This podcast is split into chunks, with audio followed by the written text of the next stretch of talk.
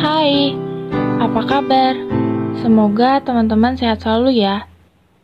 Ya udah, tanpa berlama-lama lagi bersama saya via suara seperti manusia.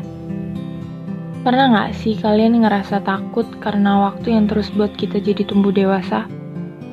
Bingung karena apa yang harus kita lakukan setelah bertambah lagi satu umur kita?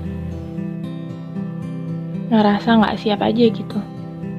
Ngerasa kalau semakin dewasa semakin banyak sedihnya. Semakin ngerasa sendiri.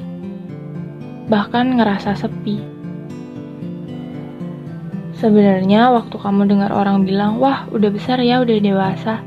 Atau waktu kita berulang tahun terus ada kata-kata kayak menjadi dewasa. Pernah nggak sih kepikiran, apa sih yang membuat saya terlihat dewasa? Atau kayak, dewasa tuh seperti apa sih?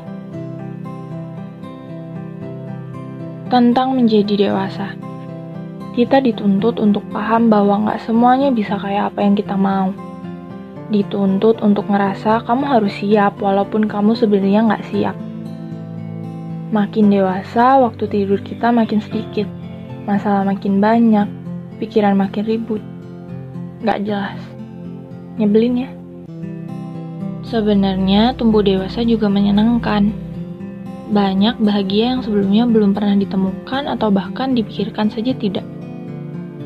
Tapi ya, karena seperti peribahasa, semakin tinggi sebuah pohon semakin kencang anginnya, jadi ya terasa melelahkan aja.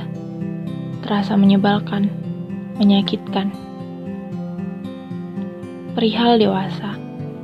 Jangan cepat-cepat. Memang banyak hal baik terjadi, tapi kalau terlalu cepat juga akan cuma jadi kenangan.